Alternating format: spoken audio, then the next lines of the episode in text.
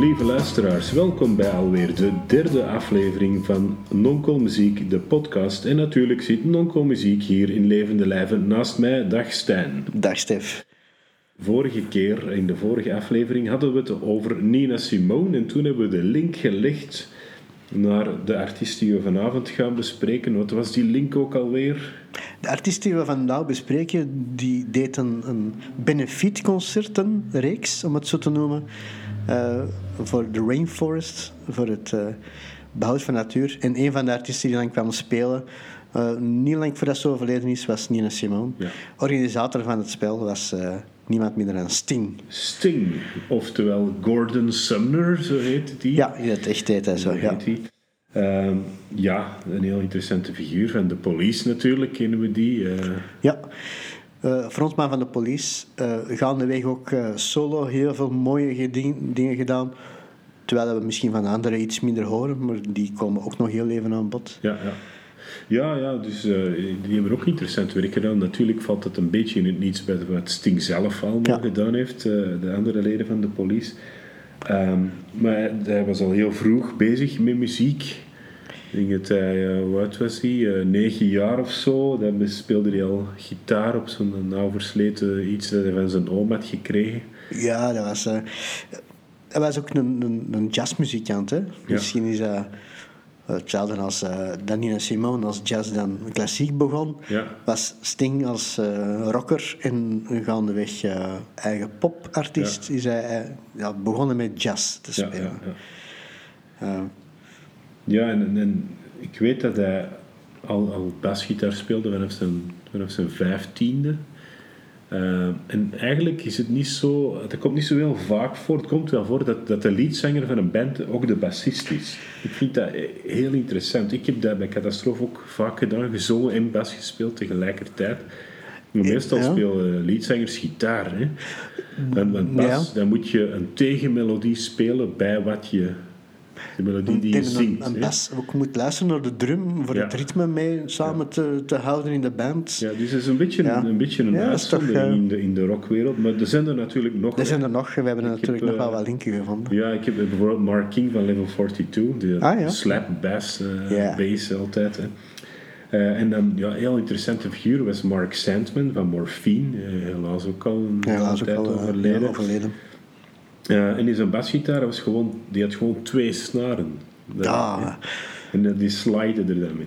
En, en die, die uh, zanger van de band, The Presidents of the United States of America, ken je nog? Ja, van, ja. Van Peaches. Peaches. Die had ook een basgitaar met twee snaren. Ah.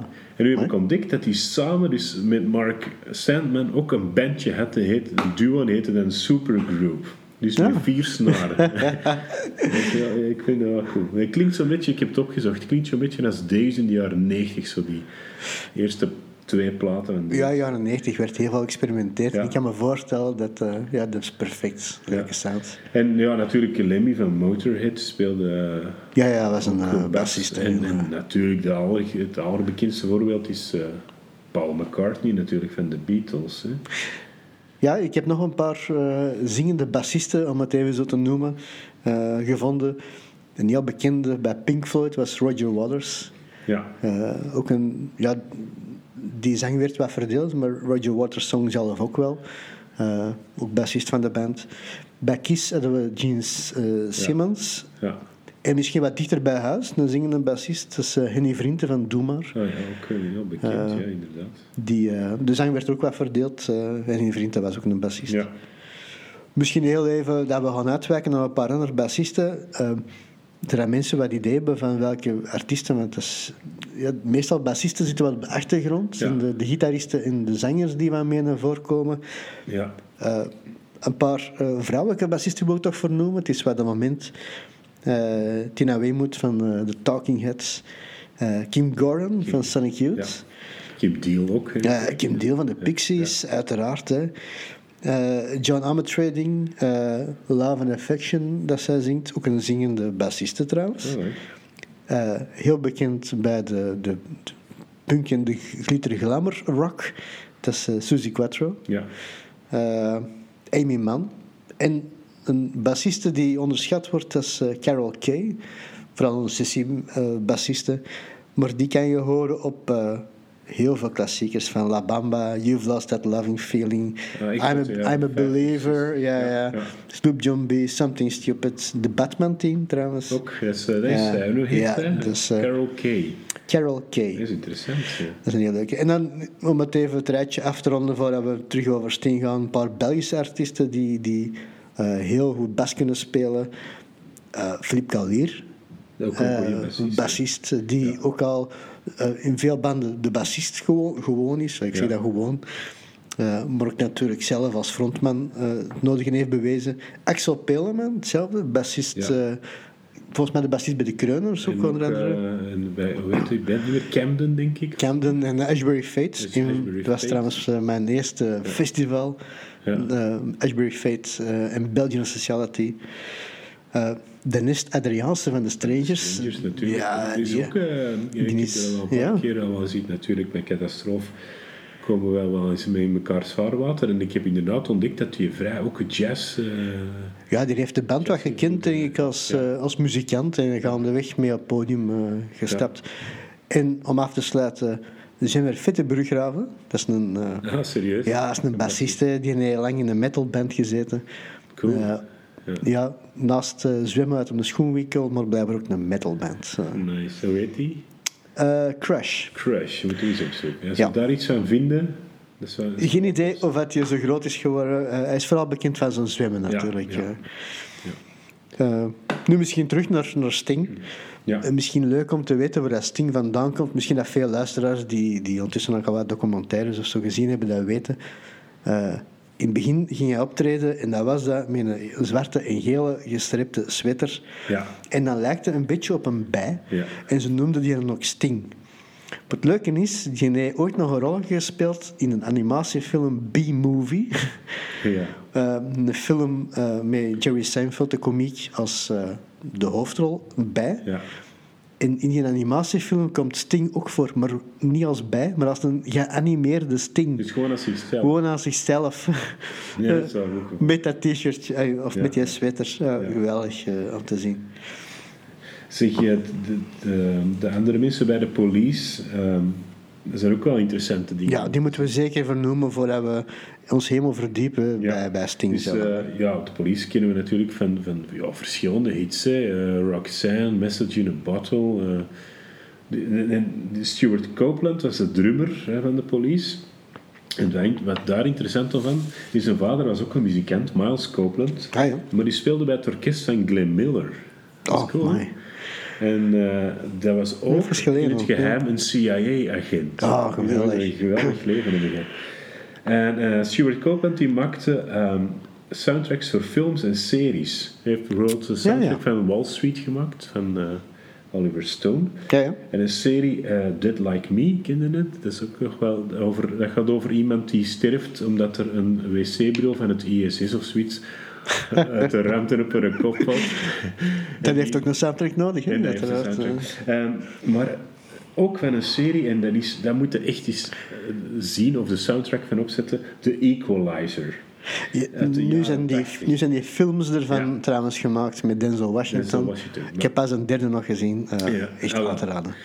Dus vroeger in de jaren tachtig uh, mocht ik dat van mijn ouders niet zien. Dat was zo'n Britse serie, mm. zo wat gewelddadig. Ik denk, maar van mijn grootmoeder mocht ik dat dan wel zien. Ja. Dus ging, die woonde boven mij en ging daar. Van grootmoeders mogen altijd veel ja, meer. En ik vond dat geweldig. En die muziek is echt, dat is echt 80s bliss. Pure 80s ja, bliss. Dat, dat is zo die soundtrack, ja, dat is ja, jaren 80. Uh, ja moet er maar eens opzetten. Inderdaad, nu, nu met uh, Denzel Washington. Ja, Stuart Copeland is trouwens uh, later ook gevraagd door uh, Raymond Zerk en Robbie Krieger van The Doors als nieuwe drummer. Want na het overlijden van Jim Morrison, ja, sowieso een nieuwe zanger.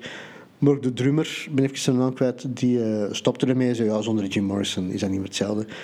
De twee anderen hebben dat nog verder gedaan. En even in 2002 uh, is uh, Stuart Copeland dan mee als drummer gegaan. Het heeft niet lang geduurd, maar hij heeft toch even in de doors gezeten. Oh ja, dat is wel. Ja. De, en voor mensen die uh, in de, van games houden en zo. Stuart Copeland maakt ook muziek voor games. En, en, en heel bekend is zijn muziek voor de Spyro franchise. Ah, ja. Zo'n draakje. Daar heeft hij de muziek voor gemaakt. En uh, ja, dan de gitarist en de police. Uh, dat was uh, Andy Summers, niet, niet Sumner, met de familie van... Nee, misschien, misschien is dat wel een van de redenen waarom dat, Sting zijn naam heeft veranderd voor verwarring. Alhoewel, ja. ja, Summers, Sumner, ja. Dus geen familie, ook niet familie Summers. Uh. Die, was, was, die was ook een beetje ouder dan de twee anders, als ik mij niet vergis. Ja, ja, Die, heeft, die was ook al wat langer bezig, maar dat was een mooie mix. Hè. Die, hetgeen ik heb gevonden van, van Andy Summers, die had ook zo de jazzopleiding, hè, de Thelonious Monk en uh, Dizzy Gillespie. En dat was de eerste gitarist die Jimi Hendrix tegenkwam als hij naar Engeland kwam. Dus die gingen dan samen wat jammen. Er is een boek over geschreven, wist je dat? Nee. Ja, dat is heel raar, want het is een boek over hoe Jimi Hendrix, over heel die scene in Londen en zo van de, van de muziekscene. En in de hoofdrol is er een zekere... Um, wacht, ja, hij heet Andy... Maar in dat boek heet dat Davy. En die, dat boek heet Groupies van ah, Johnny Byrne. En dus hij heeft er een schuilnaam in. Maar dat, dus dan kan je lezen wat hij allemaal uitzegt. Die, die staken van alles uit. Dus ja, dat, is een gasten, boek over die scene. Een groupie. En dan moeten we eens opzoeken. En die Johnny Byrne, die dat boek heeft geschreven, is eigenlijk ook een interessante figuur. Die heeft daarna scenario's geschreven voor zo uh, Doctor Who en zo. Oh, my. Ja. Maar dus Andy Summer speelt de hoofdrol in een van deze boeken. Ah, ja. Onder een schuilnaam, ik denk een reden. Ik heb het nog niet gelezen. Oké, ja. En uh, ja, die, wat er ook het tof van is, die uh, speelde om geld te verdienen zo aan de kust in hotels. Waarschijnlijk ja, jazz en zo. Hè. Ja, de kans is groot. Uh, en toen ging hij naar Londen, geloof ik. Misschien voor de politie, ik heb geen idee. En toen moest hij met nieuw zoeken om hem te vervangen. En hij mm -hmm. vond dan een andere gitarist die dat wou doen. Dat was Robert Fripp. Ja. Dat is echt super cool. Ik weet niet, allez, voor de mensen die waarschijnlijk kennen jullie maar Robert Fripp is uh, bekend als de band uh, King Crimson. Die hebben zo'n legendarische progressieve rockplaat ja, gemaakt ja, ja. in 1969. In The Court of King Crimson. En die speelt ook de iconische gitaar daar op uh, Heroes van David Bowie. Dat is ook Robert Fripp. Die heel lange noten, zo. Dat is ah, speciaal het is niet meer een plektrum, maar met iets dat je op je snaren moet leggen. Ah, ja. Heeft inderdaad wel een eigen stijl. Ik kan me voorstellen dat het dan past bij, bij David Bowie. Dus, uh, ja, dus van Sting naar Robert Fripp. Uh, ja. ja, ik denk dat Eddie Summers toen uh, ja, ook al met andere bands bezig was. Nog niet met de police, want die zijn pas later begonnen. Maar hij zat wel heel even bij de Animals. Aha. Die we trouwens vorige aflevering ook even aan het aan bod hebben gelaten. Uh, hij is daar kort lid van geweest en heeft meegewerkt aan het eerste album. En die, heeft hij The House of the Rising Sun gespeeld? Of? Uh, ik denk het niet. Ja. Uh, misschien wel meer live, hè, want die, die mannen die doen dat soms jaren, dat ze nummers mee, mee kneden. maar hij heeft wel officieel lid geweest van The Animals en later de Police dus. Hè. Oké, maar dus dat was over de andere leden van de politie. Nu, nu terug over Sting, die eigenlijk de held van het verhaal is, deze aflevering. Nee, dat klopt. Uh, trouwens, vlak voordat de, de politie kwam, zat hij in een groep uh, Strontium 90. dat is alleen in, uh, in Nederlands grappig. Ja. Misschien dat hij daar de humor niet van de kei serieuze nee, band. Hè. Ja, dat is dan later police geworden. Die hebben trouwens een album uh, uitgebracht en dat heette... Later werd het dan uh, muziek van toen uh, als album uitgebracht. En dat heet Police Academy. omdat, dat, omdat dat een soort scholing was richting in de groep dan de police. Ah, oké. ja, dat, is wel... ja, ja. dat is wel tof. Ik denk dat in het begin, een van de eerste hits die dan de police maakte, was dan direct aan de klassiekers. Uh, al in 78 was dat. Dat is mijn uh, geboortejaar trouwens. Uh, een heel goed jaar, met andere woorden. En dat was het jaar van Roxanne. Ja. En trouwens is dat Roxanne in het hoofd van Sting, die dat dan schreef, dat was een tango. Die reed, ja, dat is echt dus de, het mysterieuze meisje met de, de red lights. En dat moest vol met vuur en passie zijn. Maar uiteindelijk is het dan de versie geworden die, die wij kennen dan. Zo een mix tussen rock en, en reggae, een beetje zo. Uh, maar de, de versie in de tango, die kom je dan later, en dat dat meer het idee was dat Sting had, dat kom je dan tegen in de film Moulin Rouge. Ja. Waar ook een heel scène is waar aan de tango wordt gedanst op het nummer Rock zijn. En dat is echt de stijl dat hij eigenlijk... Ik denk dat dat dichter bij zijn originele visie zat. Hij zou wel content geweest zijn met... Uh, de rock reggae versie. Hij heeft met heel veel stijl en is hij bezig. Want we kennen natuurlijk altijd die reggae power pop, reggae van maar toen was hij natuurlijk in, hè. Dat was, ja. uh, ofwel was het punk, maar reggae leunde daar ook wel wat tegen met het uh, protest. Hij heeft ook, Sting heeft ook uh, zelfs renaissance muziek opgenomen. Een heel knappe plaat, ik weet niet of je die kent. Dus, dus hij heeft hem met een luidist opgenomen. Een luidist. een luidspeler. Met een niet luid met een T. Met een luid met een T. Erin Karamazov. En ja, dat zijn liederen van de renaissance-componist John Dowland. En ik was daar vroeger uh, wel fan van. Dat was zo, ja, de componisten wat in die tijd smartlappen waren eigenlijk. Hè. Alleen een melancholische singer-songwriter. Een heel bekende, populaire uh, muzikant in, in zijn tijd. Ik denk, uh, ja, 16e eeuw zal dat geweest zijn. En die, die, die, ja, die reisde dus Europa rond, die ging overal optreden. Oh, nice. Die was aan het hof dan, hè, van Koningshuizen. Uh, trouw, heel prachtige, prachtige muziek trouwens. En dus die plaat moet je eens opzoeken. Muziek van John Dowland door, uh, door Sting. Ah, ja. Renaissance muziek. Sting is altijd wel... Uh, ja, dat is, zeker in de latere solo-periode horen heel hard die jazz-invloeden, maar hij heeft ook altijd die invloeden van de klassiek, ja. klassieke muziek. En dan ik ineens een sprong voorwaarts maken voordat we ze terug naar de, de politiejaren gaan. Hij heeft later dat nummer uh, Russians geschreven, dat heel even terugkwam even met het conflict tussen, uh, ik noem het conflict, maar het zit eigenlijk ja, veel meer dan dat, tussen Oekraïne en Rusland. Uh, dat was trouwens een nummer waar hij de, de Oekraïners mee steunde, voor alle duidelijkheid. Maar dat heeft een sample, een sample van een klassiek stuk. Hè. Het is officieel is die mens overleden. dat komt van Prokofjev. En Prokofjev die kennen wij vooral, denk ik, uh, als je een beetje van uh, Russische klassieke muziek kent, van uh, Peter en de Wolf. Ja. En dat stuk, de, misschien dat tieners dat ook wel, vroeger toch heb ik dat zelf gezien, als, dat was een, een ja, musical opera, waar elk dier dat in dat verhaal voorkwam, ja. kreeg een ander muziekinstrument, zodat je kon zien van dat is het geluid van de eend, dat is van de wolf, dat is van ja. Peter heel mooi gedaan. Uh, die heeft trouwens, Prokofjev, die heeft trouwens filmmuziek gemaakt. Uh, en een van die liedjes uit de film, een van de ja, Lieutenant uh, KJ, of hoe dat ook noemt, dat stuk heeft Sting gebruikt uh, voor Russians. Ja. Peter in de Wolf is trouwens in de, in de popgeschiedenis ook een paar keer teruggekomen. Ik, ik weet niet of Sting eh, het ooit heeft verteld, regelmatig vragen ze dus bekende sterren om het te vertellen. Het, eh, als, ja, ja, dat komt regelmatig terug. David Bowie heeft dat gedaan. Ja, uh, en bij ons Bert Peters. Ja, is er ook een versie van.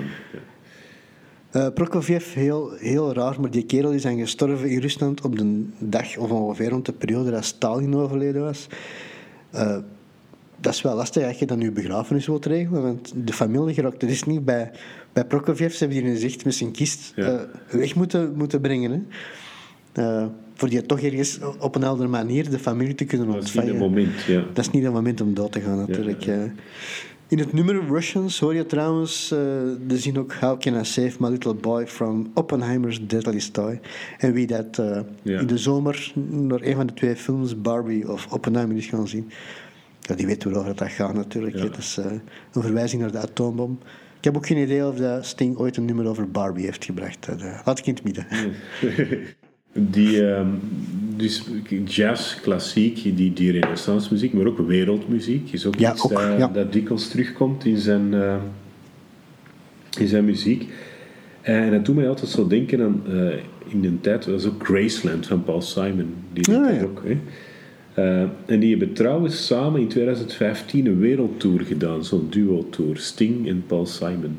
Ja. En dat was, uh, dat was een groot succes. En dan heeft hem dat het jaar daarna nog eens uh, gedaan, dus Sting, maar dan met Peter Gabriel van, van Genesis. Genesis, ja. samen met Phil Collins natuurlijk.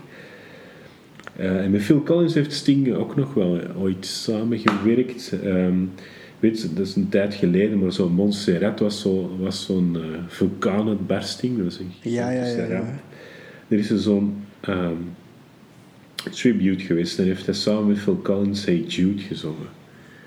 En ja, hij, hij is altijd actief hè, uh, in zoveel ja. het goede doel. Hè. Ja, vandaar die, uh, waar we daarmee begonnen zijn met de, de benefiets voor het regenwoud. Heeft er wat meer. Uh, ja, Amnesty International, ja. Live Aid, Band Aid. ja, dan met een regenwoud, zoals gezegd. Maar hij heeft toch wel in dat regelmatig zijn hart laten zien. Ja, ja. wat op zich wel goed is als bekende ster. Hè.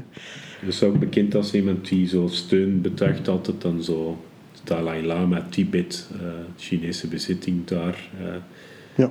Uh, ook altijd mee bezig. Op Live Aid, het bekende festival, waar onder andere Queen en zo op stonden natuurlijk. Ja. Daar heeft de police zelf ook nog een optreden geweest. Die bestonden toen al. Sting heeft daar ook een nummer gebracht, samen met de Dire Straits. Money for Nothing. Ja. En dat is ook wel een leuke, want hoe dat, dat tot stand is gekomen, de link tussen Sting en de Dire Straits. Sting was op vakantie. Uh, gezellig aan het genieten uh, tussen de muziek, uh, de, de, tours en de opnames en de studio's door. gezellig op een eilandje. En op dat eiland komen dan de mannen van de Dire Straits, die komen nieuwe muziek opnemen. Ineens komt uh, Mark Knopfler een Sting tegen en die vraagt uh, zich, uh, Sting, ik weet niet hoe die mannen elkaar aanspreken, kun jij niet meehelpen met mijn, nieuw, met mijn?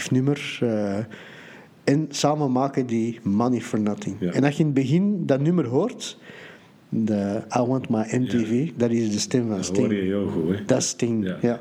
ja. Nu, dat doet me denken aan hoe dat ik Sting heb leren kennen. We gingen elke aflevering vertellen hoe wij in onze jeugd of latere jaren de artiest, eh, de centrale artiest, eh, hebben leren kennen. En bij mij was dat in de bibliotheek van Deurne, de Arena. Ja. Ehm, daar was een stripverhaal dat ik heel dikwijls uitleende. En dat was in 1987, ik herinner me nog goed, de stripgeschiedenis van de popmuziek. Een geweldig soort documentaire in strip van heel de geschiedenis van de popmuziek. Van, het begon dan met de rock and roll. En ik ja, Daar, daar is echt mijn, de microbe heeft mij daar toen te pakken. Ja, ja. En in, er was zo'n splash, een splash page, was er dan noemen, zo één grote bladzijde waar dan rug tegen rug Sting en Mark Knopfler getekend zijn. De ene met een bas en de andere met de gitaar als twee iconen. Sting voor de bas, Mark Knopfler voor de gitaar.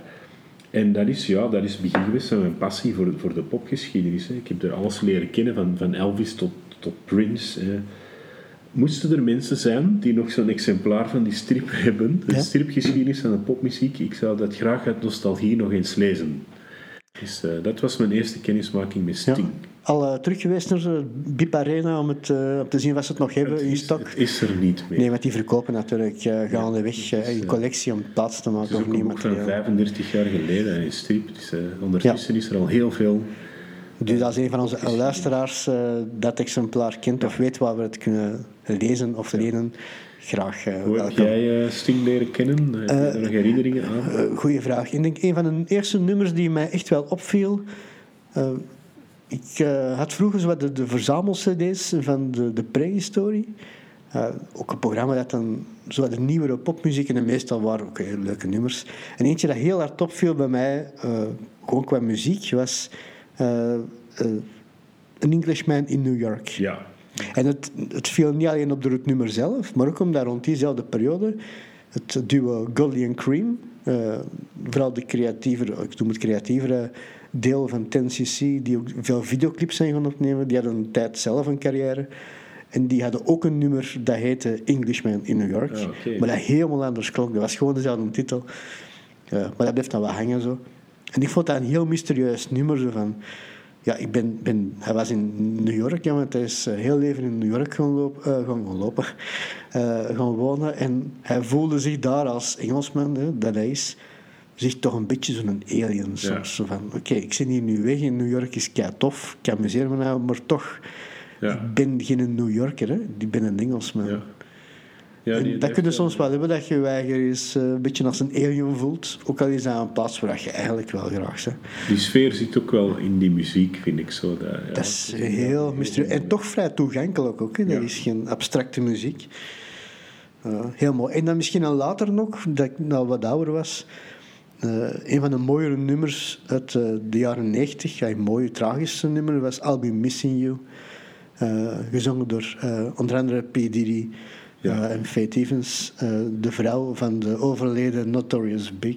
Je hebt er nu toevallig ja, een t-shirt van ontstaan. Inderdaad. Spijtig dat het niet met beeld is, maar... Dus je moet je dat voorstellen. ja. Ook muziek met een t-shirt van Notorious B.I.G. Voor wie het de artiest niet kent, maar dat zou wel moeten lukken. Uh, dat was de tegenhanger van, nou, ja, een tegenhanger van Tupac. Uh, die op korte tijd zijn ze alle twee vermoord. Ja. En als Notorious B.I.G. werd uh, vermoord en kwam te overlijden, dan had P. Diddy, die mee aan de, de, de West Coast, East, de East Coast, een van de twee coasten, East Coast, die ik juist heb, die hadden als tribute I'll Be Missing You gezongen. Maar hij heeft daar een sample voor gebruikt van uh, Every Breath You Take ja. uh, van Sting. Uh, dat is pas later na de opnames en waarschijnlijk ineens PD die zei van ja, misschien moet ik daar toch wel eens richting gaan vragen bij Sting. dat is allemaal geregeld. op dat vlak Sting ook wel, zowel joviaal, maar ook wel nog goede zaken, maar we arrangeren dat wel. En eens zelfs bij de MTV Awards, want dat was een enorm populair nummer, is hem uh, samen met Peep Diddy als, als ode eigenlijk aan Notorious B.I.G. heeft hem dat nummer meegezongen. Ja. Uh, omdat het dan toch gesampled werd. Die, die gitaarpartij is legendarisch eigenlijk, hè, van Every Breath You Take. Ja, ja. En ook, uh, dat wordt door iedere beginnende de gitarist die leert tokkelen, wordt dat zo ja. gedaan. En, en eigenlijk is een nummer dat zo op trouwfeesten wordt gespeeld. Ja, raar soms dat je beseft erover dat ja, Het gaat over jaloezie, over stalking. Ja. Ja, het is... Het is uh, de vraag inderdaad of het heel autobiografisch was, maar hij was wel een, een scheiden geloof ik met zijn vrouw toen. Uh, maar dat is, een, dat is een nummer over een stalking. Every ja. bit you take, everywhere you go. I'll, I'll be watching you. Ja, dus, uh, we, we, zorgen elke keer, willen we ook een Belgische link. Ik heb, ik heb er een leuke gevonden. Ah ja. Um, dat is um, Sting, die, die heeft hier ja, dikwijls opgetreden, maar de passage in 1991 op Rokke Werchter is uh, legendarisch. Ah, ja. Hij stond daar samen met Iggy Pop op de affiche, dezelfde dag. Hm. En uh, Iggy Pop had het publiek uitgedaagd natuurlijk. Uiteraard. Hè, uh, om zo dingen op flesjes op het podium te gooien. en ja, dat was een leuk. En daarna kwam Sting. En die begon met het nummer Message in a Bottle. En iedereen ja, begon flessen te gooien. Dus ja. de hel brak daar los. En uh, ja, maar echt serieus. Hè. Er werden zoveel flessen in het rond gegooid. Er waren mensen met neusbreuken, hersenschuddingen. Ja, want dat is 91. We spreken nog over de, de dus dat alles in flessen werd uh, verdeeld en dat er volle flessen waren. Ja, dat ja. was uh, geen regels ook. Hè. Vanaf toen werd het verboden om op festivals uw eigen flessen drank mee te nemen. Ja, dus dat verklaart ook waarom dat ze op Werchter of op Kop op uh, het dopje open doen van, van uw drank. en dat dat meegeeft, zodat dat geen volle fles zou zijn. Dus, uh... Ja, dus als je volgende zomer klaagt dat de drank op festivals veel te duur is en dat je liever zelf een fles had meegenomen, voilà. dat is dus de schuld van Iggy Pop en Sting. Ja. Een van de betere dingen dat Iggy Pop ook gelanceerd heeft op festivals, dat was, ik weet niet wat hij de eerste was, maar wel de eerste die het echt gelanceerd heeft en als influencer, om het zo te noemen, dat is het stage diven. Ja. Dat was uh, ervoor nog niet gezien. Mensen bleven gewoon op het podium. Ook omdat uh, technisch gewoon niet anders kon. Uh, maar hij liet dan zijn band waarschijnlijk verder spelen en sprong ja, ja. zelf in het publiek. En zo is het stage diven zo uitgevonden. Ik heb hem vorig jaar nog gezien. Jazz Middleham. Dus ja, ik heb Sting vorig jaar nog gezien nee, in... Uh, Iggy Pop. Ah ja, Iggy Pop. Ik heb Sting nog gezien op, uh, in Vorst. En dat is misschien wel leuk, want eh, in Sting, uh, toen hij kwam optreden bij Vorst, uh, ik had hem ervoor al eens gezien, zowel met de police als Sting solo. maar nu werd hij ja, nog altijd even strak. Die nummers stonden er echt wel, zowel die van de police als die van hemzelf. En het voorprogramma stond dan zijn zoon, die al een paar jaar ook meegaat als, als voorprogramma. Joe Summer. Ik vond hem zelf ietsje minder, maar ja, het is, is, een legende natuurlijk die dan op dat podium staat. En dan, moet je, dan maakt dat snel het vergelijken, wat dat eigenlijk niet mag. Ja. Uh, die, uh, Joe heeft trouwens een eigen band. Uh, ja, terwijl dat hij zijn eigen ding kan doen. Die heet Fiction Plane. En dat is een anagram, een anagram van Police Infant. Om maar te zeggen van, ik ben het kind van de zanger van de Police. Hey, er is nog een, een leuk weetje oh, in verband met die naam van de ding. Er is ook een band en die heet uh, Call the Police en dat is een tribute band. Ah, uh, met, met Brazilianen. Met Brazilianen. Maar de uh, gitarist van die band is gewoon Andy Summers. Dus de gitarist van de Police speelt nu in een Braziliaanse, denk ik, tribute band zichzelf. Fantastisch. Heel vreemd. Ja, dat is soms ja, niet te buiten, maar dat, dat maakt het dan wel leuk. Ja. Dat, is, dat, is, het, dat toont dan hoeveel gevoel voor humor dat die mannen soms hebben. En, en hoe, was die, uh, hoe was die zoon dan? Uh, die band? Uh, het was hem solo, dus hij was dan niet met een band.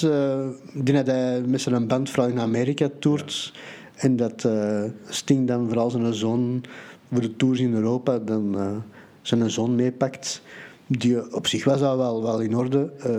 Maar ja, in vergelijking, die had niet echt de hits. En in vergelijking met zijn vader natuurlijk dat is toch iets anders. Uh, dat is een beetje hetzelfde. als uh, Jacob Dylan in The Wallflowers. Ja, de zoon van. Uh, en dat, dat wat ik wel een beetje raar vond, omdat hij dan zei: van ja, maar ik, ben, ik wil niet zo vergeleken worden met mijn vader, maar eigenlijk heet hij dan Zimmerman. Hè?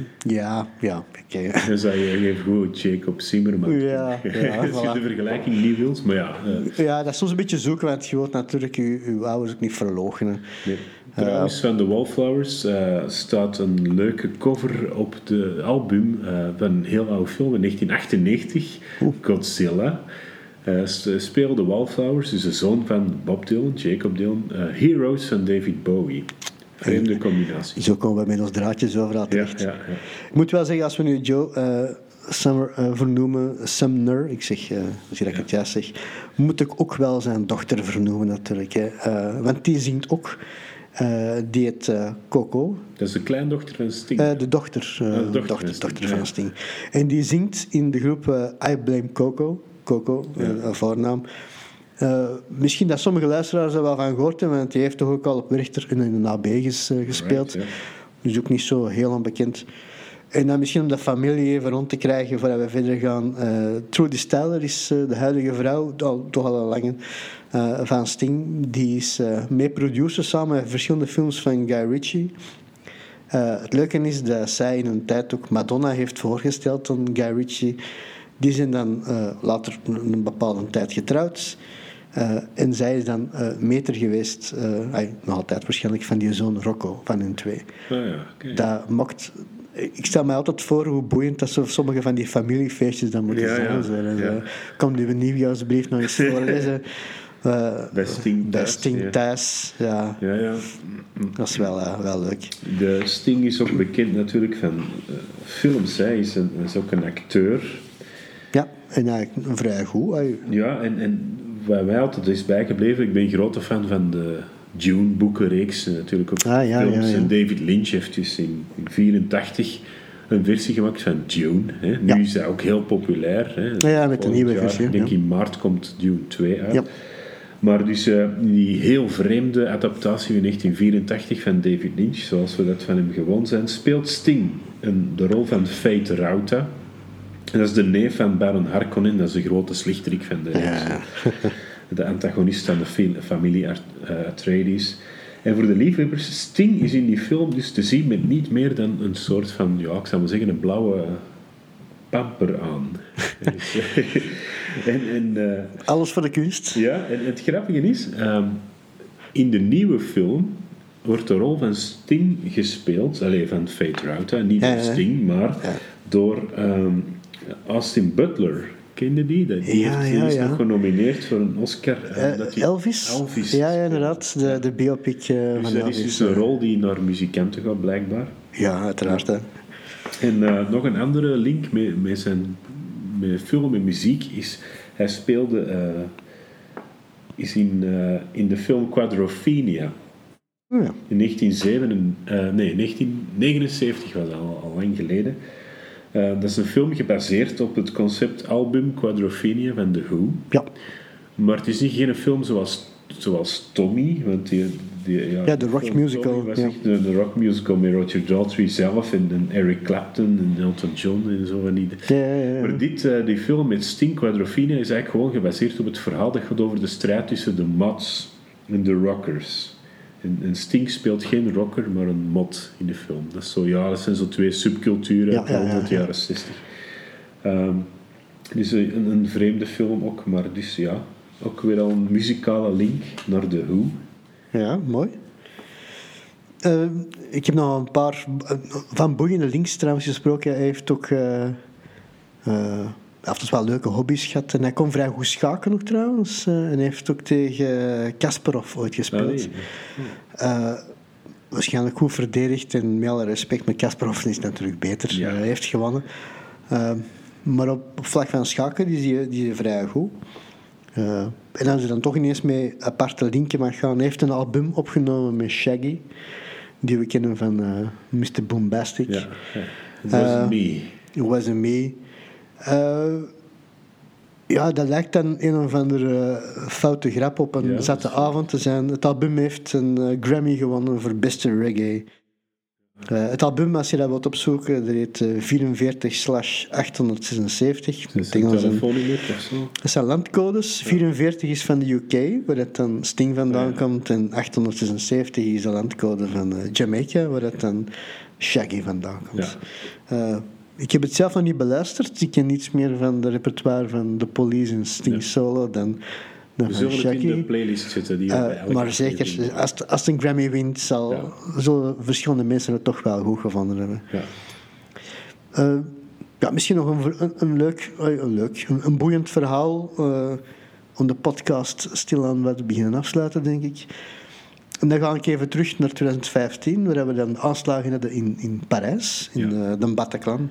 Dat was bij de Eagles of Death. Ja, die moesten daar gaan optreden de Eagles of Death Metal, uh, dat klinkt zwaarder dan het is. Dus, in die groep speelt onder andere in het begin Josh Homme, die we kennen van Queens of the Stone Age. En die was een beetje aan het zoeken met een, een groep die wou opstarten. Hè, begin, de prille begin van Eagles of Death Metal.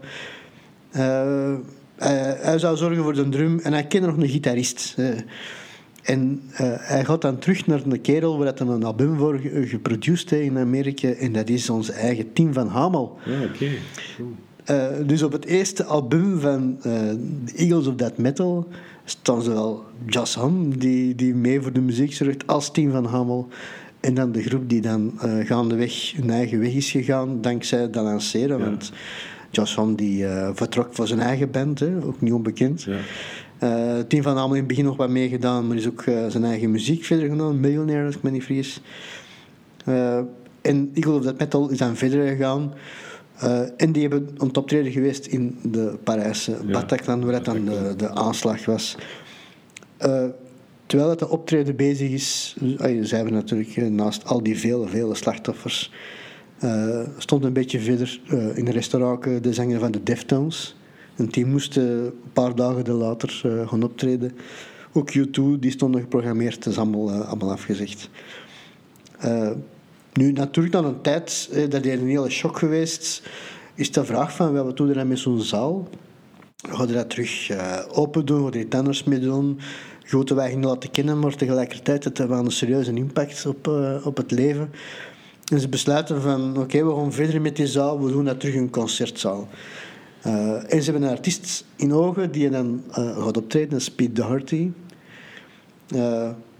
Maar er komt wat tussen, of, ze vinden dan ja, misschien dan toch even wat schuiven. En de eerste artiest die dan komt optreden, dat is niemand minder dan Sting. Die ze vragen voor het eerste optreden doen bij de geopende Bataclan. En uit respect worden eerst alle familieleden van de slachtoffers die er gevallen zijn krijgen gratis toegang. Die mogen allemaal komen. Dat zijn ongeveer een uh, iets meer dan duizend man die erop afkomt. Om op die manier, op een serene manier, dan ook te rouwen. En in dat Sting ook wel de geschikte artistisch ja, uh, met het goede deel.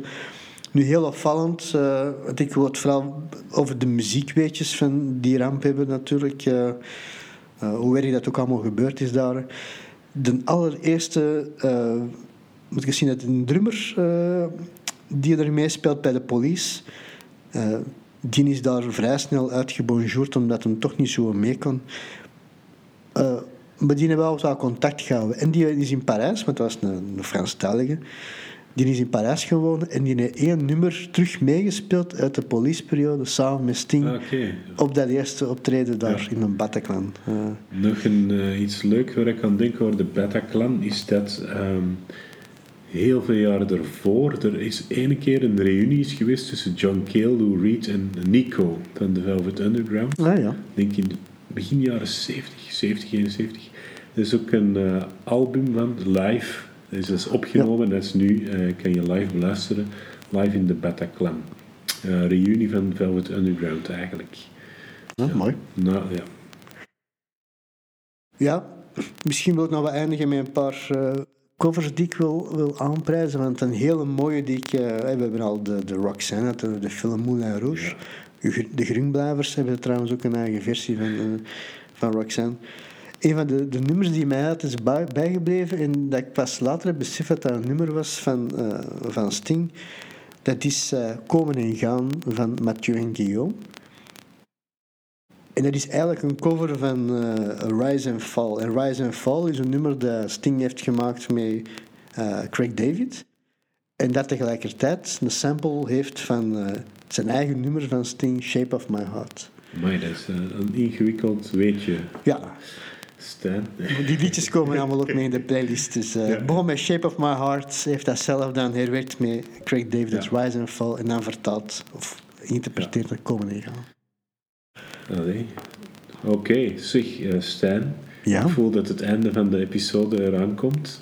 Uiteraard. Ik denk, er is heel veel te vertellen over Stingende Police. Ik denk dat we heel boeiende hebben ja, verteld. Ja. En, uh, de playlist met de leuke ja. tips uh, komen terug. Ongetwijfeld komt Sting nog terug als een, iemand die vernoemd wordt bij een andere gast, centrale figuur in een andere podcast die we gaan doen. Volgende keer. We hebben al een naam. we gaan de link dan wel uitleggen wat er met Sting is. Wat is ook gaat leuk natuurlijk, hoe dat we dan verder brouwen van aflevering tot aflevering. Ja. We gaan dan een groep, eh, want die komen ook natuurlijk in bod. Alhoewel het vooral de, de frontvrouw is, ja. die we, waar het heel veel over te vertellen is. Maar de groep komt in zich heel aan bod en dat zijn The Pretenders. Ja, met Chrissy Hind. Ja. Grote fan, uh, Stijn? Ik ben zelf een grote fan. ik heb ze al een paar keren gezien onlangs nog in de Roma gaan kijken. Ik heb ze in een Lokerse feesten ook al eens gezien in de AB. Ja. Blijft een geweldige rockvrouw die met enkele nummers intiem kan gaan, poprock en pure punk. gewoon haar eigen ding doen. Heel veel boeiends over te vertellen. Oké, okay, tot de volgende keer. Dus over twee weken dan weer. Ja, ja. Met over een aflevering over de Pretenders. Bedankt om te luisteren en tot volgende keer. Tot ziens.